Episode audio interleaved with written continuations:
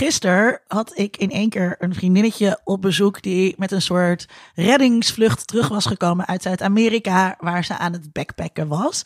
En het was heel raar, want gisteren, gisteren was het dinsdag, zaten we pas twee dagen in deze situatie, maar zij was helemaal nieuw. Uh, en ik was in één keer de expert op het gebied van het nieuwe normaal. Dus ze vroeg aan mij dingen als zien mensen elkaar s'avonds nog wel, Linda? En ik zo, nou ja, maar het staat natuurlijk op, nergens op, want het past pas twee dagen. En ik heb zondag eigenlijk niemand gezien, maar maandag wel mensen. Maar toch zat ik met een soort autoriteit te praten over het nieuwe normaal. Deze podcast wordt mede mogelijk gemaakt door Code Clear. Duidelijk over websites en design. Vanuit Amsterdam is dit Onder Media Doctoren, de podcast waarin communicatiewetenschappers zich verwonderen over de media. Vincent, voelt het al een beetje als het nieuwe normaal voor jou? Nee, helemaal niet. En ik moet eerlijk zeggen dat ik ook in het, het, het eerste enthousiasme of zoiets wat je hebt. Uh, of toch een soort adrenaline van wat gebeurt er allemaal. Ik vandaag toch wel het een beetje het stof begon neer te dalen. En dat je gaat overzien in welke situatie we nu eigenlijk zitten. En daarbij valt me ook op dat we toch een enorme naïviteit. En je hebt achteraf natuurlijk altijd gelijk door te zeggen het was naïef. Uh, maar dat, dat ontzettende optimisme wat je overal voelt. Ik merk dat in mijn werk. We gaan leuk dingen online doen. We gaan het met elkaar doen. En wat fijn dat we dat eh, op deze manier doen. En ik lees dat ook. Weet je wel, leuk met het gezin bij elkaar. En we gaan leuk klussen deed me enorm denken aan uh, de Eerste Wereldoorlog. Niet dat ik daarbij was, luisteraar. Maar, maar het is wel je hobby? Uh, nou ja, sinds kort heb ik daar wat eh, musea en in, in, in België en Frankrijk ben geweest. Maar dat, dat begin van die Tweede Wereldoorlog had ook een soort naïviteit van uh, home by Christmas. Hè. We gaan het even oplossen. Vooral de Britten die daar naartoe gingen. En we weten allemaal hoe dat geëindigd is. Maar ik, ik ben zo bang dat als we terugkijken op deze periode. En jij zegt net, nou, het is nog maar twee dagen. Dus terugkijken op deze periode kunnen we misschien al komend weekend doen. Dat we toch wel gaan inzien dat het eigenlijk nog veel omvattender is dan dat we ons nu kunnen voorstellen. het is een beetje raar dus- om reflectie te doen na een week. Hè? Ook dat is veel te kort. Ja, maar jij zegt het nieuwe normaal veronderstelt dat het normaal de norm is waar we blijven leven. Ik denk dat ik bedoelde, we. Ik bedoelde, uh, ik bedoelde met het nieuwe normaal is dat uh, uh, die vriendin kwam in een voor haar totaal onbekende situatie. Ja. En die moest aan haar uitgelegd worden. En dat moest ik doen. Maar het is natuurlijk nog helemaal niet het nieuwe normaal. Dat wilde ik dus juist benadrukken. Maar Nee. omdat ik het aan haar soort van ging verdedigen of uitleggen. Leek het dus alsof ik al aan deze realiteit gewend was. Oh, zo bedoel maar je. ik was Ja. alleen maar een beetje meer aan deze realiteit gewend dan dat zij eraan gewend is. Ja, nou, maar jij vroeg het met mij, mij, gaat. Het, het- ik, ik zie nu echt op werkelijk elk vlak, en iedereen heeft dat, zie je gewoon het hele kaartenhuis in elkaar donderen. Je bent En, vandaag, eh, ik heb het idee, Vincent, dat je vandaag een beetje, je bent een beetje pessimistisch. Ik ben een, een stuk pessimistischer geworden vandaag. kaartenhuis zie je in elkaar Ja, vallen. op elk gebied, elk denkbaar gebied valt om. Eh, eh, en, dan, en dan gaat het helemaal niet over dat het Eurovisie Songfestival die doorgaat of er geen EK voetbal is. Maar financieel, economisch, cultureel, maatschappelijk, alles staat nu opeens eh, ter sprake. Maar wat ik niet begrijp, Vincent, want eh, de vorige aflevering, Dat is twee dagen geleden. Ja. eh, twee dagen geleden, eeuwigheid geleden, ehm, eh, had ik dat wat meer. En waar jij, waar jij wat theoretischer praatte en zat ik heel erg in een hele harde realiteit. Ben jij daar gewoon later in aangekomen? Of wat is er nu gebeurd waardoor je denkt... Want jij was, jij was twee dagen geleden, zat je heel ergens anders. Ja, toen zat ik nog in een soort, soort, soort, soort rush van, van goh, we gaan eh, kijken eens wat er allemaal gebeurt. Het is natuurlijk allemaal heel spannend ook. En er gebeurt tenminste wat. En eh, hè, het normale reguliere leven is natuurlijk saai. Dit is in ieder geval niet saai. Maar eh, als ik, ik, ik, ja, ik maak me echt zorgen. Ik begin me echt zorgen te maken over de ontwrichtende werking. Eh, nou, ook omdat ik Ja, gewoon ontzettend lachen. veel... ik eh, vind het eigenlijk een beetje een soort schattig. ja, welkom, eh, welkom in onze wereld, dat, Vincent. jullie in, in de wereld van de pessimisten en de Nee, niet in de wereld van de doemdenkers. pessimisten, maar in de wereld van de mensen voor wie de harde consequenties eh, eerder zichtbaar waren blijkbaar dan voor jou. Ja, nou, dat, dat, is zeker waar. Ik werk niet in de zorg. Ik, uh, je bent geen ZZP'er. Ik ben geen ZZP'er, dus... Uh, je bent geen journalist. nee, maar ook die zekerheden die er zijn. Hè? Dus over loondienstconstructies of over de, hoe de zorg functioneert, hoe de rechtspraak functioneert. Daarom zei ik ook, alle facetten die staan nu ter, ter sprake. Of die, die moeten zich op een of andere manier weer hiertoe gaan uh, uh, verhouden. Ik heb het, het Tweede Kamerdebat vanmiddag gekeken, waarin. Maar ik snap niet, serieus... maar, dit, nee, maar we hebben het afgesproken. We gaan niet herhalen wat iedereen al weet van het nieuws.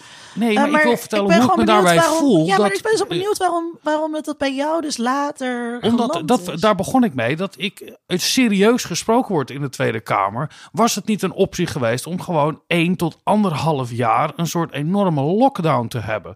Wat was dat een. En dat wordt besproken als een serieuze optie. Het is niet de optie die gekozen is, maar het was een serieuze optie die voorlag. En die nog steeds voor kan liggen. Want je kan. Stel je voor dat we een jaar lang in een lockdown gaan wachten op het vaccin en dat het beschikbaar en getest wordt. Het idee dat, we, dat dit de werkelijkheid is nu en nee, we gaan niet herhalen wat mensen allemaal weten. Maar je vroeg hoe ik me daarbij voel. Is dat die enormiteit van wat er nu gebeurt. Zoveel. Ja, misschien ben ik traag in mijn bewustzijn daarin. Of daalt het nu pas in wat de enormiteit hiervan is.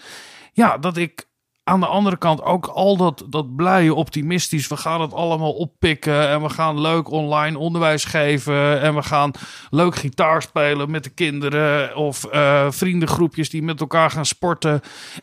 Dat, dat blije optimisme begint me vanavond in ieder geval ook uh, tegen de borst te stuiten. Van kom op mensen, dit is dit, dit, we hebben misschien nog niet eens het begin gezien van de enormiteit wat hier plaatsvindt lieve luisteraar. Uh, we zijn niet alleen met Vincent uh, vandaag in deze aflevering. Uh, zoals we vorige keer aangekondigd hebben, is het idee van deze speciale reeks die we aan het maken zijn tijdens de coronacrisis, dat we andere wetenschappers vragen om vanuit hun specialisme te reflecteren op ja, de wereld of de mediawereld die er nu aan het ontstaan is, ofwel al reeds ontstaan is. Um, vandaag hebben we twee fragmenten, twee bijdrages uh, van wetenschappers. U gaan, jullie gaan zo meteen luisteren naar uh, Rijnjan Renes. Uh, en uh, naar Mark van Oosterdorp die ingebeld hebben. En die zijn, dat beloof ik u vast, spoiler, spoiler, spoiler. Veel niet optimistischer. zo pessimistisch uh, als Vincent. En we gaan ook horen van het front, want redacteur Frederik heeft ook een bijdrage van hoe het er aan toe gaat in de journalistiek op dit moment. Maar eerst gaan wij luisteren, ik zei het net al even, naar uh, de eerste bijdrage. Uh, we hebben Rijntjan Renes gevraagd om na te denken over ja, de vraag die wij eigenlijk deze afleveringen alle wetenschappers gaan voorleggen. Als je nou een bak met geld zou hebben op dit moment. Hè, Alsof als, dat er ooit nog komt. Als, als alles nu mogelijk uh, zou zijn. Wat voor onderzoeksvragen zou je dan stellen? En wat voor aspecten van die coronacrisis ben jij in het bijzonder uh, geïnteresseerd?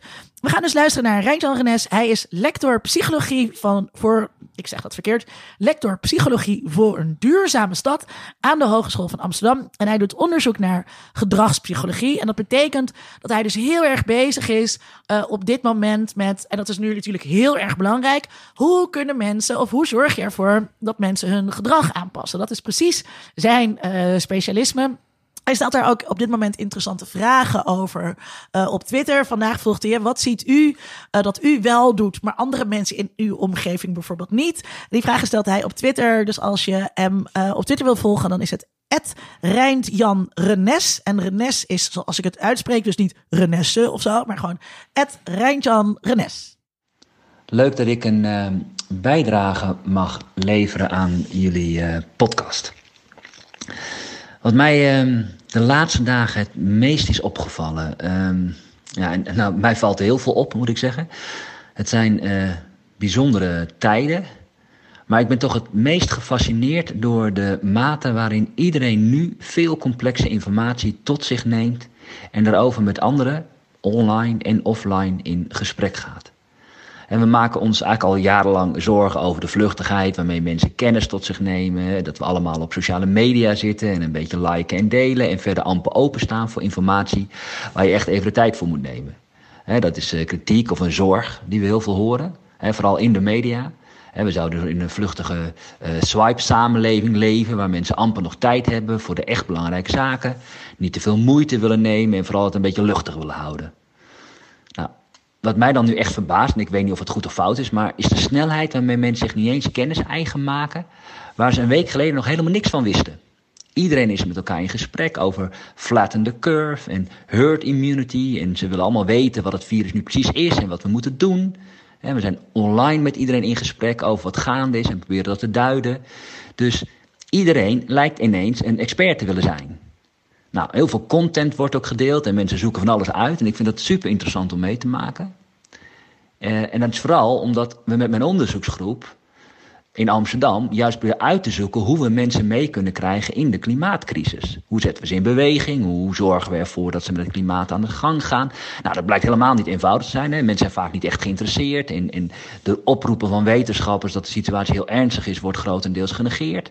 Nou, daar waar dus de coronacrisis iedereen en alles in beweging zet, lijkt de, klimaat, de klimaatcrisis amper bij mensen binnen te komen. Nou, waarschijnlijk komt dat omdat de klimaatcrisis een hele trage crisis is. Het bouwt heel sloom op en mensen warmen zachtjes mee hè, met die crisis en hebben niet door dat ze inmiddels in een klimaatcrisis beland zijn. Hè. Ze, zien, ze zien en voelen het niet en, en wennen vanwege misschien wel de geleidelijkheid waarmee het gaat aan de steeds alarmerende situatie waarin we nu zitten. Nou, het lijkt er dus op dat pas bij een acute, zichtbare noodtoestand we in actie komen. In ieder geval lijkt dat deze coronacrisis dat ons te leren. Nou, dat is ook precies wat ik, als ik nu heel veel onderzoeksgeld zou krijgen, zou willen uitzoeken. Hè. Wat, wat leert deze crisis ons om de klimaatcrisis beter onder aandacht te, te brengen bij mensen? Het voelt nu alsof deze crisis een soort generale repetitie is en ons onderzoekers de kans geeft hier heel veel van te leren om de volgende, nog veel grotere crisis te voorkomen. Nou daar waar we nu allemaal hard bezig zijn met bijvoorbeeld flatten the curve, hoe kunnen we daar weer van leren, zodat we straks iedereen in beweging krijgen voor drawdown? En dan even voor duidelijkheid, drawdown staat voor het moment waarop we de opwarming van de aarde omkeren en voorkomen dat we de aarde overbelasten. Nou, zie hier ook de analogie met het overbelasten van het zorgsysteem. Nou, hoe voorkomen we straks dat we vanwege het klimaat in een lockdown komen? Hoe krijgen we daar mensen voor mee? Nou, op dit moment zijn we met mijn groep dat al een beetje aan het doen. Onderzoek naar het doen. Door bijvoorbeeld dagboeken bij te houden over wat we nu zien. Hoe we dat kunnen verklaren. Dus, dus, dus al die dingen proberen we nu te registreren. Maar ja, met een veel groter budget zouden we dat veel professioneler kunnen aanpakken. Dus toch een soort real-life experiment waarin we nu midden zitten. En we alles zouden kunnen analyseren aan data en middelen die we binnenkomen. Nou, dat kunnen we helaas niet doen. Dus we doen op onze eigen manier ons best. Maar dit zou ik wel heel graag willen. Tot dusver mijn reflectie en wat ik heel graag zou willen onderzoeken. Als ik genoeg geld had. Uh, en ik wens jullie heel veel succes met de podcast. Tot ziens, Randjan. Ja, uh, super uh, interessant. Dankjewel, Randjan. Ja, ja, ik vond het super interessant. Uh, deze eerste bijdrage van een wetenschapper in deze speciale serie die we maken. Um, wat mij uh, allereerst heel erg raakte, wat ik heel tof vind, uh, uh, wat ik altijd heel erg tof vind, is je hoort het enthousiasme in zijn stem. En daar spreekt, denk ik, de ware wetenschapper, hè, dat je hart uh, sneller gaat kloppen van, van, uh, van dit soort dingen die er, die er uh, gebeuren. Um, ik denk dat uh, Rijntjan, om het even samen te vatten, um, zegt, of, of, de dingen die hij vooral interessant vindt aan wat er nu gebeurt, is dat er sprake is van complexe informatie die wij als bevolking tot ons krijgen. En hij bewondert eigenlijk de snelheid en ook uh, uh, het niveau eigenlijk ook wel van de manier waarop, um, waarop mensen dat doen. Vincent, jij knikt? Nou ja, wat, wat hij natuurlijk zegt, wat jij nu ook zegt. Er is een radicale omkering. Hoe je het ook went of keert. We gaan de straat op en je ziet dat er iets radicaal is veranderd. En zeker vanuit dat die, die, die klimaatonderzoekers of het soort onderzoek dat hij doet, dat, dat is eigenlijk wat je wil. Uh, en dan ben ik het ook wel heel erg met hem eens. Kijk, als je een tramaanslag hebt, dan heb je iemand, dan heb je beelden. De tramaanslag in Utrecht was vandaag precies een jaar geleden. En dan liggen er uiteindelijk mensen onder een wit laken. Weet je wel, dat komt heel hard binnen. Maar die, dat hele coronavirus, ik, ik heb nog niet zo. Ja, ik heb natuurlijk zie je ziekenhuizen en je, maar alles is een abstractie. En dat ondanks dat het zo'n grote abstractie is, mensen op dit moment nog heel erg begripvol, zich informeren daarover. Uh, dat, dat, dat kennis ook eh, niet onaffe kennis hè, waar we nu mee zitten. We hebben vermoedens, we hebben scenario's, we, we zoeken eh, naar manieren. Dat mensen dat zich toch wel dat, dat eigen maken. En natuurlijk heb je nog allemaal onzin nieuws er tussendoor zitten. Dat je veel vitamine C moet nemen. Of dat cocaïnegebruik zou helpen. Of eh, allemaal dat soort eh Ik onzin hoorde vandaag iemand zeggen, ik mag geen ibuprofen, want dan ben ik extra Ja. ontvankelijk voor Ja, corona. een, en een eh, kantoorgenoot Franse zei, minister nee, volgens mij is dat fake nieuws. Maar dat valt me nog reuze mee eigenlijk van wat er aan, aan hoaxes eh, eh, eh, daarboven komt. Ik, ik hoorde even Maar, een verschil, maar wat bedoel je dan met een hoax in dit? In dit Nou, dat er onzin nieuws wordt. Maar eh, expresse onzin is ja. vaak een hoax, is vaak expres onzin Nou verspreiden. ja, ik hoorde even een klein zijstapje dat er vanuit de, de, de Russen eh, eh, eh, actief eh, fake news verspreid zou worden in West-Europa om de disruptie eigenlijk alleen maar te vergroten. Want dat zou de Russen dan versterken. Maar ja, die Russen gaan sowieso ten onder omdat de olieprijs eh, onderuit gaat. Maar in Dus Rusland is dat er ook gewoon eh, corona. Precies. Dus wat daarvan waar is, weet ik niet. Maar even terug naar dat onderzoek. Kijk, hij suggereert een parallel. En ik denk dat die parallel op hele wezenlijke punten scheef gaat ten opzichte van eh, zo'n klimaatverandering. Mag ik eerst nog wat iets anders zeggen over eh, namelijk die manier waarop mensen met die kennis bezig zijn? Ik zei in de vorige aflevering al, ehm, wat ik etnografisch interessant vind, is hoe in onze alledaagse gesprekjes, zeg maar in de, in de prietpraat die wij met elkaar hebben, wij dus informatie aan het aftasten zijn. Dus hey, oh, hoe ga jij met corona om? En dan zegt iemand, ah, ik heb dit stukje informatie en dan bedenk je nou, dit weeg ik wel zo of niet zo. En eh, zo moet het ook zijn gegaan met de Spaanse griep in, in 2000 Ja. of in 1918 toen we nog geen, eh, toen je zelf niet online bronnen kon raadplegen zoals het nu gaat. En dat vind ik dit dus ook, dat informatieverwerkingsproces waar Rijn John het ook over eh, heeft, zit dus in heel erg van die alledaagse gesprekjes. In, Ja. hey, hoe is het? De hey, hoe is het? Wordt eigenlijk nu gevolgd met, meteen met dit soort afstanden, afsta, eh, af, eh, aftastende gesprekjes. waarin we dus informatie uitwisselen, afwegen, eigen maken. Wat een mega interessant gesprek is. Eh, dat wou ik nog even zeggen. Ja. En nu ga verder met die parallel. Nou ja, dit- nou, ik wil hier ook nog iets over zeggen. Kijk, wij hadden natuurlijk. We waren altijd heel erg bevreesd door al die overdaad aan media die er zijn. Weet je wel, dat er allemaal fake news en wat dan ook is. Je ziet nu dat het eigenlijk wel meevalt. Dat er een, echt wel een duidelijke hiërarchie is van dat wat geaccepteerd en dominante bronnen zijn. En natuurlijk heb je altijd een paar gekkies die in, in de marge dingen roepen. Maar er is eigenlijk. Jij zit duidelijk niet in een buurt-app. Eh, nee, ik zit niet in een buurtapp. Nee, ik. eh, Want daar eh, wordt dat soort informatie wel heel erg gedeeld. ja, maar hè? dat, dat, dat zijpelt in ieder geval niet door tot een, het, het debat maar eigenlijk. dat, maar dat het is formele met debat. fake news toch ook niet zo? Dat Nou, daar zie je door? nog. Nou, jawel, als je kijkt over de, de, de, de vragen rondom vluchtelingen, wat dan ook, dat daar ontzettend veel verwarrende informatie over bestaat. Dat is in dit geval anders. Ik weet niet hoe het volgende week is Ja, ik trouwens. ben het niet zo met je eens. Ja. eh, maar over die parallellen, ja, ik denk dat Rijn-Jan gaf het zelf al aan. Weet je wel, dit, dit is een abrupte verandering. Dat maakt het nieuwswaardig. Daarom is er aandacht. Daarom gaan mensen zich erin Een verdiepen. acuut, abrupt en acuut. Ja, en dat, dat weten we natuurlijk uit nieuwswaardigheid. Dat eh, eh, doorbreking van de normale orde, dat op, dus op een abrupte manier Terwijl gebeurt. dit dus eh, on- net zo onzichtbaar is als klimaatverandering. Ja, dat zou hoopvol zijn dat als je het zo interpreteert, dat mensen wel degelijk in staat zijn om met dat soort abstracties eh, hun gedrag aan te passen. Kan dus, dat kan zie dus, je. ja, en bedoel, dat- Je loopt hier over het Leidseplein Ja. en je ziet dat het kan. Dan loop je Da- via het Max Eeuwenplein naar het Vondelpark en dan zie je dat het ook niet kan. Eh, het Vondelpark, ik was er gisteren, het leek wel, voor de luisteraars buiten Amsterdam, het leek wel alsof er een festival gaande was. Vijf rijen dik waren mensen aan het hardlopen. Eh, iedereen eh, stond in groepjes oefeningen te doen. Dat ging ik ook doen, maar dan met mijn trainer, niet in een groepje natuurlijk, dat zou fout zijn. Jeugd was er aan het rondhangen en blauw. Het was echt knijterdruk, maar het Leidseplein daarentegen is uitgestorven. Maar voel jij ook de neiging om de mensen daarop aan te spreken? Mijn god, nee. Want Nee. dat, dat, dat, ik zag een filmpje van een, een, een Brit die ergens in een zwembad was gedoken in Spanje. En die door politie werd uitgehaald. Maar zie ik eruit als Eh, politie? Nee, maar Vind ik politie leuk? Is het een ambitie van mij om politie te spelen? Eh, nou, nou, nou, beste luisteraar. eh, eh, tuurlijk heb jij ook wel eh, de wil om mensen te wijzen op het goede en het kwade in de mens. Ehm, nou, ehm, Nee, maar het punt is, ik denk dat we over een week of twee weken, als dit soort dingen verergen, dat die blijheid waar ik het net over had en dat optimisme er vanaf gaat. Dat we mensen wel gaan aanspreken erop. En dat de maatregelen worden aangekondigd die niet meer uit een blij eh, optimisme zijn. In het debat vandaag, wat ik een heel interessant moment vond, is ja, het is zo fijn, allemaal bedrijven die brengen mondkapjes. Er werd ingebracht door, door Jesse Klaver. Ja, niks blij en vrijwillig. We moeten gewoon, eh, die moeten gevorderd worden.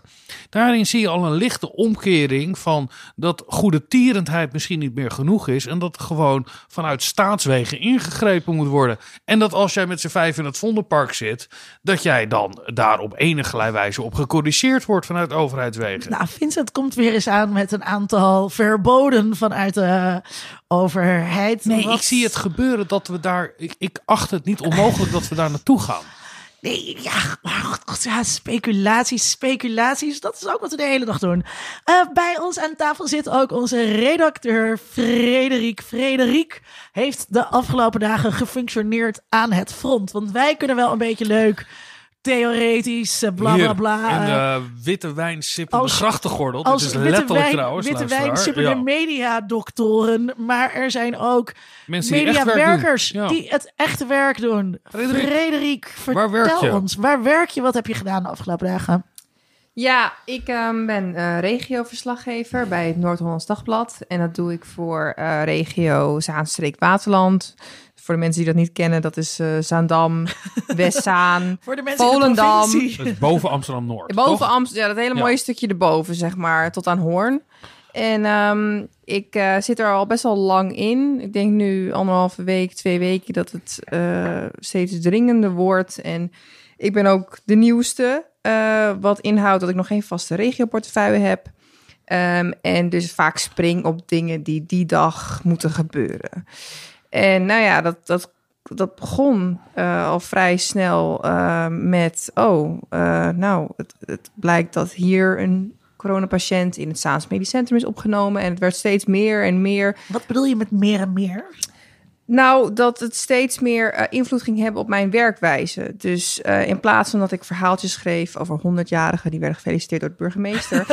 ook heel leuk, Belangrijk ook. ook belangrijk. Heb je daar zo'n stuk met Ehm, vul hier naam in? En dan Nou, dat, bijna eh, wel. Het is wel echt een, eh, een, ja, een vast riedeltje wat je dan doet. Even terzijde over nieuws dat nu in de verdrukking komt. Ja, Zeker. Maar je schrijft verder. voor, het Noord, eh, voor, de, voor de krant en voor de website. eh. ja, ja, ja. dus ik zit gewoon op de redactie van Zuid Waterland. En eh, we doen zowel online als de krant. Maar je zei Ehm, het ging- ging steeds meer je reguliere werkzaamheden Ja, en ehm, wat ik dus zei, heel veel van mijn collega's die hebben als vaste portefeuille dat ze alleen dingen in Zaandam doen of alleen in Volendam.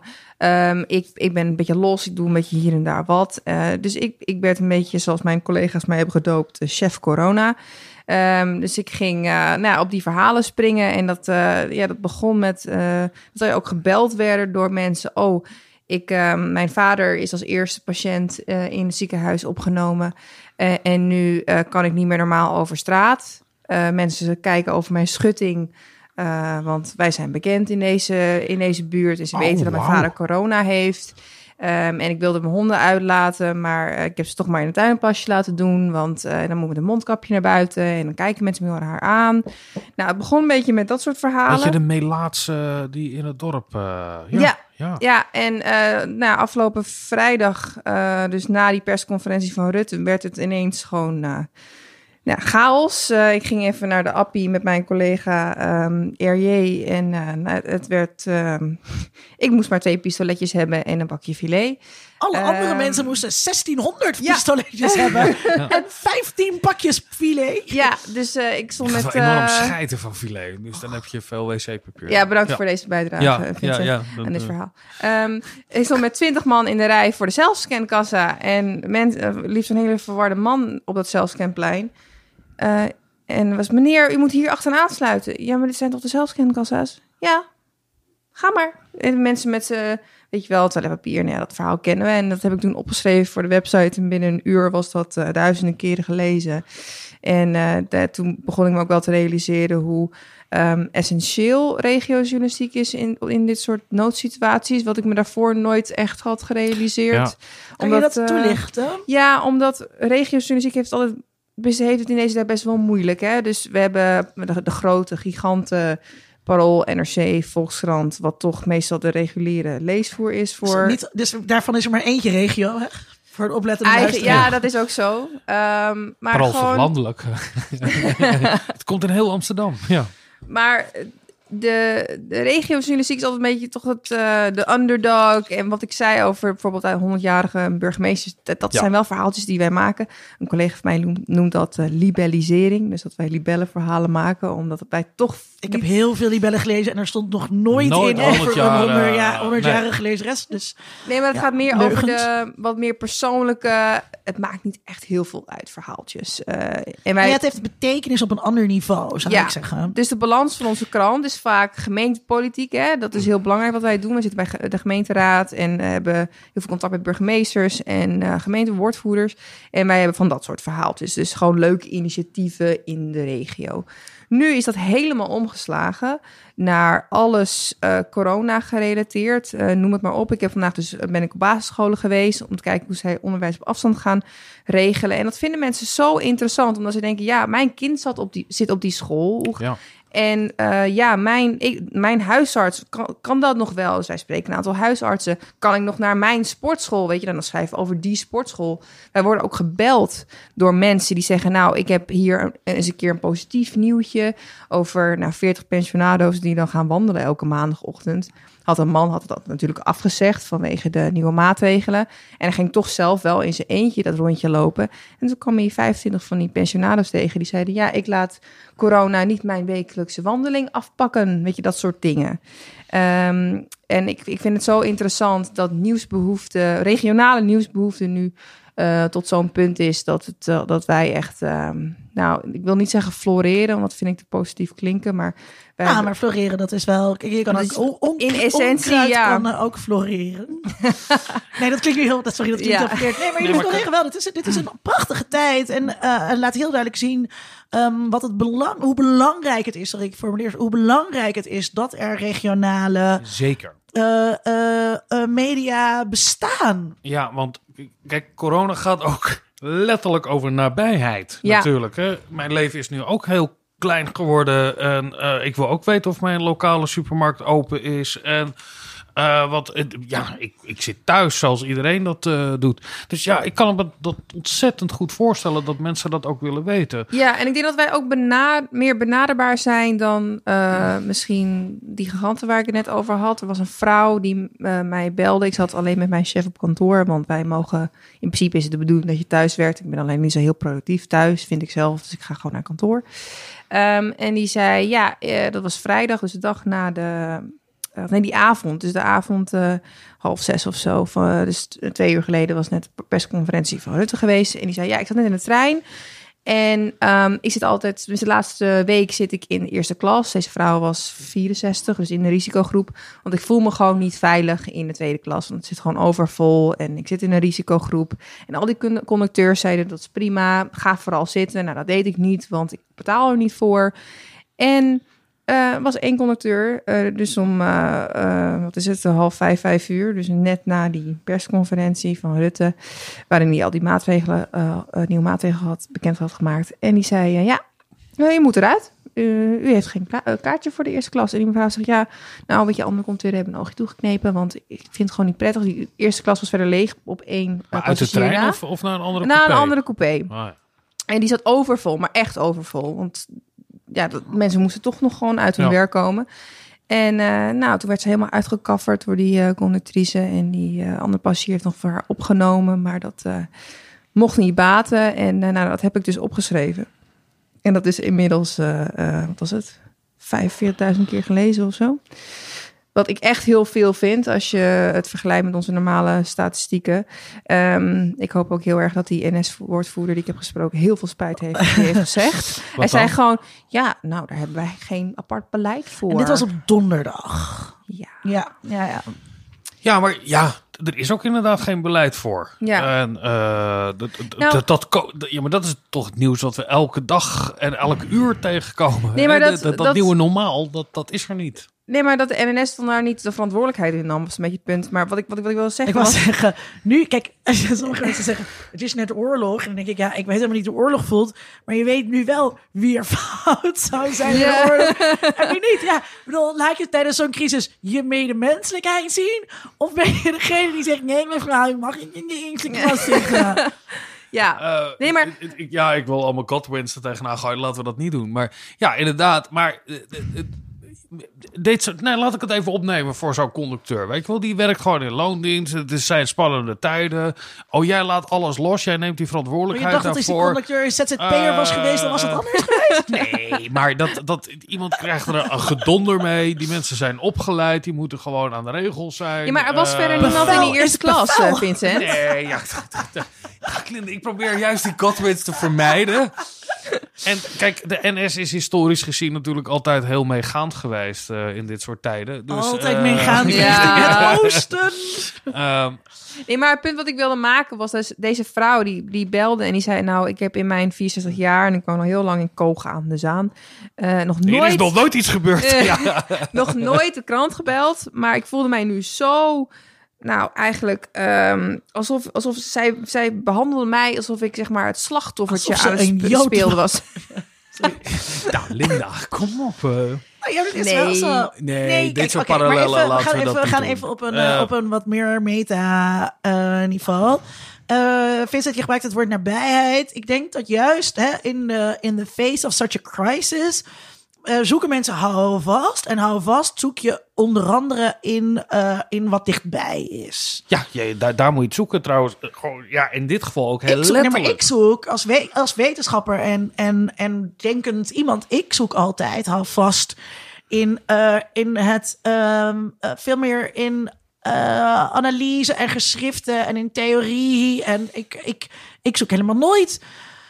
Eh, mijn houvast, maar dat ligt aan mij. Eh, je zegt, ja, daar je moet je het zoeken. Maar volgens mij het- verschilt dat per persoon. Maar er zijn heel veel mensen die zoeken het in het nabije. Nee, maar dat doe jij ook. Want je hebt het ook over dat het Leidseplein heel rustig is. En dat je daarna in het Vondelpark Maar dat was geen Dat- houvast zoeken. Was Nee, maar dat is wel jouw. Je, je kijkt toch naar je eigen habitat. En jouw habitat is nu wat kleiner geworden, zoals voor iedereen. En daar, daar toets je toch een beetje die, die nieuwe werkelijkheid aan.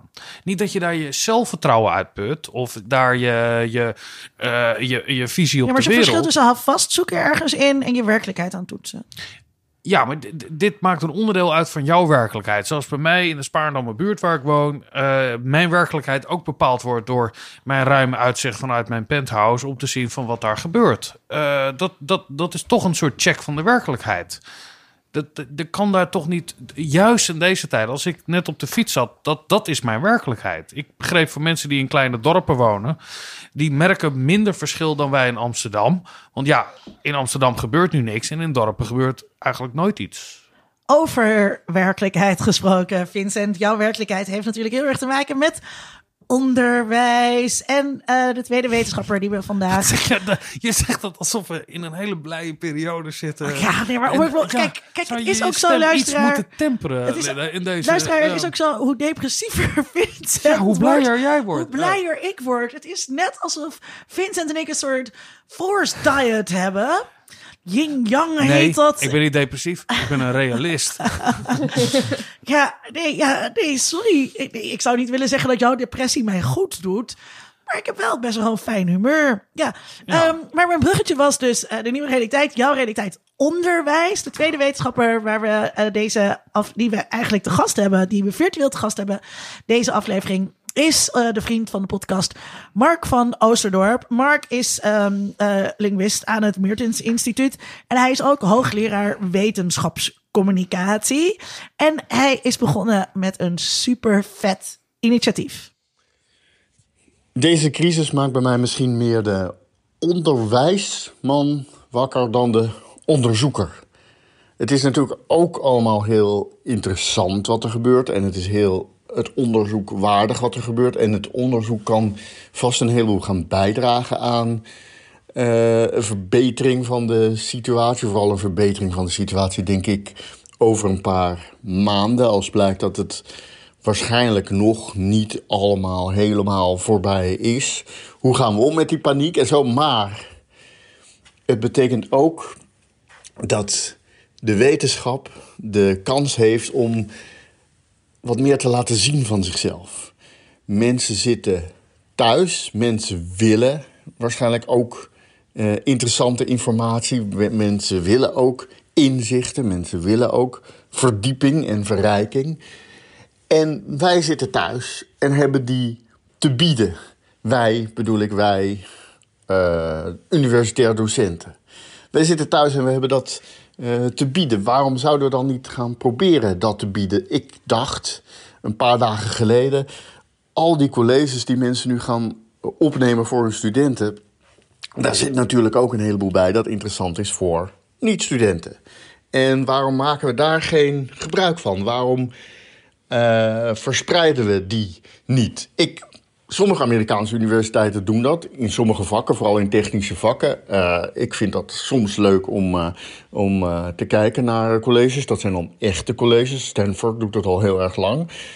Die colleges gaan dan een beetje over je hoofd, maar dat geeft natuurlijk eigenlijk pas het echte inzicht in hoe de wetenschapper werkt. Dus ik zie een YouTube-kanaal vormen waarin universitair docenten van uit heel Nederland allemaal, een hoogleraar, een universitair hoofddocent, ik bedoel, dat doet er niet toe, maar allemaal in hun woonkamer of in hun studeerkamer of hun slaapkamer of op een zolder achter hun laptopje zitten en uitleggen over hun vak. Iets uitleggen over een vak. Een inspiratie zou misschien ook kunnen zijn, lang geleden, in de Tweede Wereldoorlog in Sint-Michielsgestel. Daar zaten allemaal intellectuelen gegijzeld in dat geval een ander soort van quarantaine. Die hebben elkaar toen lezingen gegeven. En sommige van die lezingen die zijn nog steeds beroemd. Waarom organiseren we dat nu niet op een virtuele manier? Ik heb dat genoemd quarantainecolleges. Dat is inmiddels een hashtag. Het is inmiddels bijna een YouTube-kanaal. Het is inmiddels bijna een podcast. Het idee is, we, we leggen elkaar uit waar we mee bezig zijn... Uh, we geven elkaar hoop op die manier. Er is kennis over van alles en nog wat. Er is zo ontzettend veel interessants te ontdekken. Laten we deze moeilijke periode gebruiken om dat interessante dan ook te ontdekken. Ja, mijn uh, hart gaat hier natuurlijk ook uh, sneller van kloppen. Ook omdat ik zelf natuurlijk veel met wetenschapscommunicatie bezig ben. Er is zoveel interessant. maar wat ik het allertost vond aan deze bijdrage van Mark van Oosterdorp is, um, en dat heeft toch ook weer te maken met toch wel de onderzoekskant, of eigenlijk met de wetenschappelijke methode. Um, Mark zei, wat we kunnen doen met, die, met het openbaar maken van die quarantainecolleges, is laten zien hoe complex wetenschappelijk onderwijs eigenlijk is. En wij zijn, denk ik, de afgelopen tijd best wel een soort benauwd geraakt voor mensen die heimelijk colleges filmen in de collegezaal. Met een meldpunt links indoctrinatie. Hebben we het idee, nee, wat happens in de collegezaal steeds in de collegezaal. Uh, Mark heeft een hele open houding daarin. En uh, ja, nee, laat maar eens zien dat wat we geven. Um, uh, als het bijvoorbeeld gaat, ik, ik, ik geef nu een vak media en maatschappij. Dat wij niet studenten voorschrijven hoe zij moeten denken. Dat is niet hoe een hoorcollege media en maatschappij eruit ziet. Of hoe een werkcollege media en maatschappij eruit ziet. Nee, kijk, kijk maar mee. Maar tegelijkertijd. Jeetje, Linda, is wat een monoloog. Ja. ja. Wat ik prachtig vind, is dat je ziet. Kijk, ik vind dat ik het allerleukste werk heb in de hele wereld, omdat ik aan een universiteit werk. En dat is een hele leuke universiteit, Universiteit Utrecht. Beste universiteit, in Nederland. Maar je ziet de bijna oerdrift die wetenschappers hebben om onderzoek te doen, om zich vragen te stellen, zich te verwonderen en dat vooral ook te willen delen. En nu zijn de studenten even weg. Nou, dan gaan we het wel op YouTube zetten, weet je wel? Want die, die wil om uh, te doseren en te oreren en, en te vertellen hoe wij denken dat het zit. En misschien is volgende week weer helemaal anders. Dat is ook prima. Dan komt een beter argument. Dat is unstoppable bij uh, een bepaalde categorie van mensen. De, zie de wetenschappers. zie ik jou nu stiekem weer blij worden, Vincent? Nou ja, dat vind ik wel echt heel fijn. Dat, dat Mark, en Mark is een prachtig voorbeeld daarvan. Iemand die dat op alle niveaus en alle manieren altijd maar weer wil doen. Maar ook die, die uh, je ziet het nu ook bij de, de virologen die opkomen natuurlijk. Hè? Dat zijn dan de, de, de nieuwe... Ja, de, we hangen daar aan vast. Maar op al het gebied zie ik het elk vakgebied En ik, heb, ik ken heel veel mensen daarin dat die, die wil om dat verhaal te vertellen en, je en, en niet vertellen dat we het weten, maar vertellen omdat we er ons over verwonderen. En dat willen we delen over hoe we denken dat het nu zit. En volgende week kan het weer anders zijn en dan maken we weer iets nieuws. Dus ik vind het een prachtig fenomeen dat wij eh, al die duizenden studenten, die hebben we nu niet. Eigenlijk is universitair onderwijs, weet je wel, we hebben, wij als docenten hebben die studenten veel harder nodig dan die studenten ons. Wij willen eh, een publiek hebben van geïnteresseerde mensen. En als die er niet zijn, dan doen we het gewoon op een andere manier. Nou, dat vind ik fantastisch. Zie je, jij bent ook helemaal... Toch weer optimistisch. Je bent ook weer helemaal geen monoloog. En je bent optimistisch eh, geworden.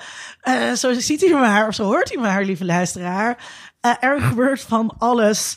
Eh, Waarom zit jij zo happy de peppy er hierbij? Als het, als ben je... Ja, omdat ik nee, maar ik word, ik word dus ontzettend, ik word ontzettend blij van. eh, ik- eh, nou, sowieso vind ik het super tof dat we besloten hebben om deze podcast te gaan maken. Ik denk dat we een leuk idee hebben daarbij ook. En ik vind het dus heel fantastisch wat Rijntjan eh en Mark hebben ingestuurd en wat Frederik hier bijgedragen heeft. En ik, ik vind het, ja, maar ik heb onwijs. Ik vind dus kennis heel leuk en wetenschap heel erg leuk. En ik vind het super interessant om te horen hoe andere mensen denken.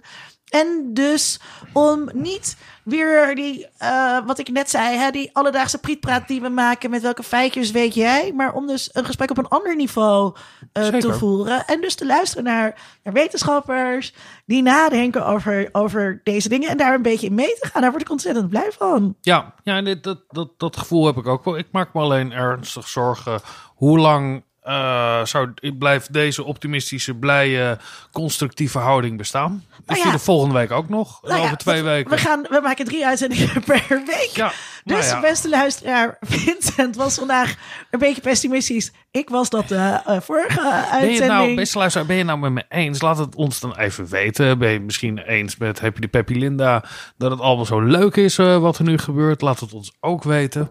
Eh, we zijn er gewoon heel benieuwd. Precies, En, eh, eh, ook deel- wij zijn aan het zoeken over hoe dit moet. Deel je belevenissen. De volgende keer gaan we weer van andere onderzoekers horen. Weer uit heel andere velden. Nou, niet uit heel andere velden. We zoeken allemaal mensen die wel enigszins in onze hoek zitten. Dus wil je weten hoe het nou zit met sociale en culturele zo. Ja, wetenschappen. Precies, dan moet je ergens anders ben, ben jij nou een beta-wetenschapper en, en, en, en, en, heeft dit jou op enige wijze geïnspireerd om jouw onderzoek anders te doen? We willen dat heel graag weten. Eh, Oh, dat mag je En niet alleen maar, goh, eh, ik ga nog meer op zoek naar het, eh, het, het, het vaccin voor corona.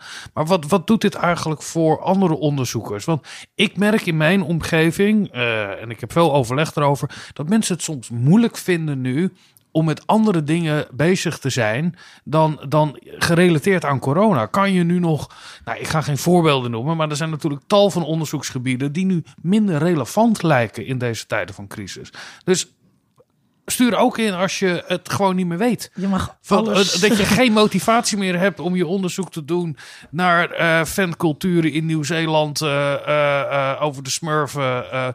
Laat Nou, het ons weten. Nou, wat is dat voor reageert iets?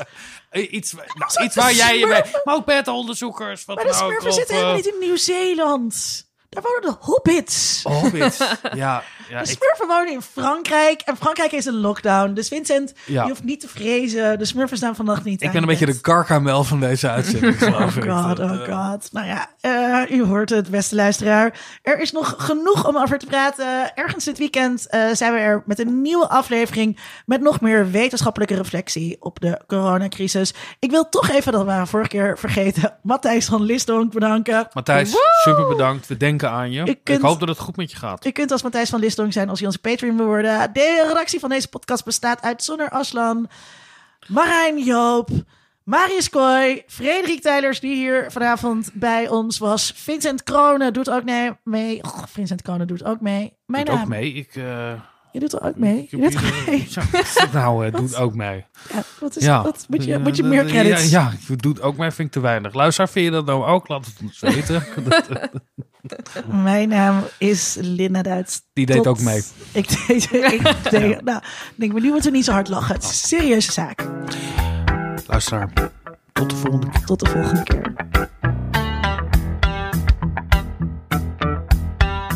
Onder Mediadoktoren is een podcast van Vincent Kronen en Linda Duits. Meer informatie vindt u op ondermediadoktoren.nl.